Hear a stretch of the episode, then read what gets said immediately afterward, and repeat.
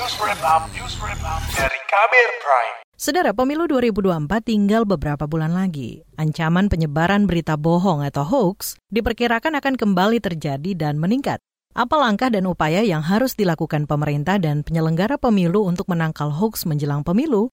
Berikut laporan khas KBR disusun jurnalis Syafira Aurelia. Pemilu 2019 lalu memberikan pelajaran berharga mengenai bahaya berita bohong atau hoax di media sosial.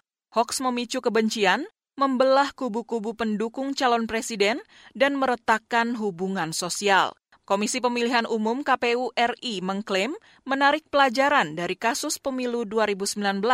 Komisioner KPU RI Idam Holik mengatakan, KPU kini sedang menyusun rancangan peraturan tentang kampanye yang di dalamnya juga mengatur kampanye di media sosial. Kita harus menarik pelajaran di mana dahulu di 2019 itu ada oknum-oknum ya oknum-oknum dalam melakukan kampanye ya dengan pendekatan post-truth politik sehingga pemilih menjadi terpolarisasi sangat tajam.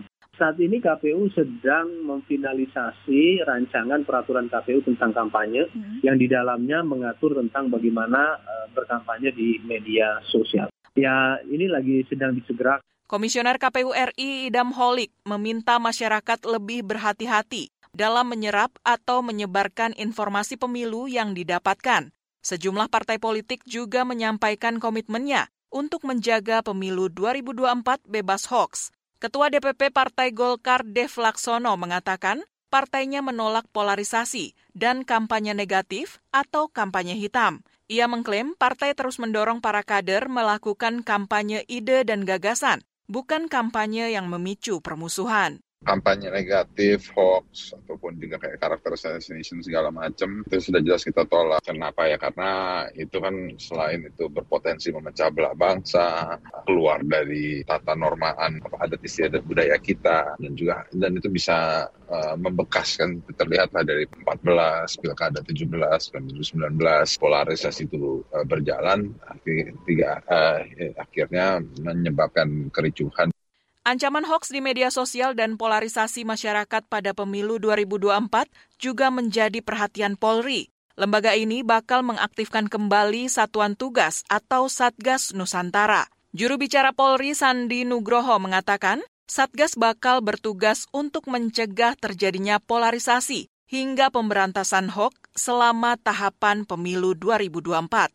Sandi mengatakan saat ini rapat pengaktifan Satgas Nusantara sudah dilakukan dan tinggal menunggu proses administrasi. Salah satu kelompok masyarakat yang giat memerangi informasi hoax adalah Masyarakat Anti Fitnah Indonesia atau Mafindo. Ketua Komite Pemeriksa Fakta Mafindo Aribowo Sasmito menduga pada pemilu mendatang akan ada perubahan cara penyebaran hoax. Jika pada pemilu 2019 hoax lebih banyak berupa foto dan teks, pada pemilu 2024 diperkirakan akan lebih banyak berbentuk video. Saluran penyebaran hoax yang dahulu banyak menggunakan Facebook diperkirakan akan beralih ke platform berbagi video seperti YouTube atau TikTok. Iya Mbak, karena beberapa bulan lalu itu ada ada riset yang menyebutkan bahwa YouTube itu nomor medsos nomor satu yang tentu saja kontennya video. Tapi kalau sebelum-sebelumnya bentuk visualnya itu foto, image, sekarang ya uh, itu video yang artinya benar banget bahwa YouTube dan uh, TikTok dan mungkin ada kayak snack video dan yang model-modelnya video pendek itu akan uh, lebih mendominasi karena uh, tadi ya visual itu lebih menarik apalagi kalau gambarnya gambar gambar bergerak. Hoax dan ujian kampanye itu satu paket. Ketua Komite Pemeriksa Fakta Mafia Apindo Aribowo Sasmito meminta penyelenggara pemilu KPU dan para pihak terkait melakukan pemantauan sejak dini dan memperketat aturan kampanye di media sosial.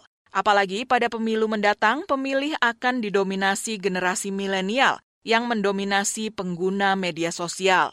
Sementara itu, Lembaga Perkumpulan untuk Pemilu dan Demokrasi atau Perludem meminta institusi-institusi pemerintah bergerak lebih cepat untuk melawan produksi hoax di media sosial. Peneliti Perludem Ihsan Maulana mengatakan, pada pemilu 2019, Satuan Tugas Pengawas Media Sosial bergerak lambat. Akibatnya, kampanye hitam saat itu tumbuh subur. KPU misalnya melalui kewenangan PKPU kampanye itu harusnya dapat membatasi dan memberikan satu tolak ukur uh, yang jelas soal mana kampanye yang diperbolehkan dan mana definisi kampanye yang memang dapat dikatakan sebagai kampanye hitam misalnya. Karena ketika itu diatur di dalam PKPU, Bawaslu sebagai pengawas pemilu itu punya kewenangan untuk mengawasi, menindaklanjuti, bahkan kalau terdapat unsur pidana dalam kampanye hitam, itu bisa, bisa menindak. Perludem juga mendorong KPU membuat aturan kampanye yang jelas, terutama apa yang boleh dan tidak boleh dalam kampanye di media sosial.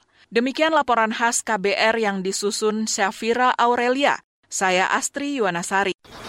Kamu baru saja mendengarkan news wrap up dari KBR Prime. Dengarkan terus kbrprime.id, podcast for curious mind.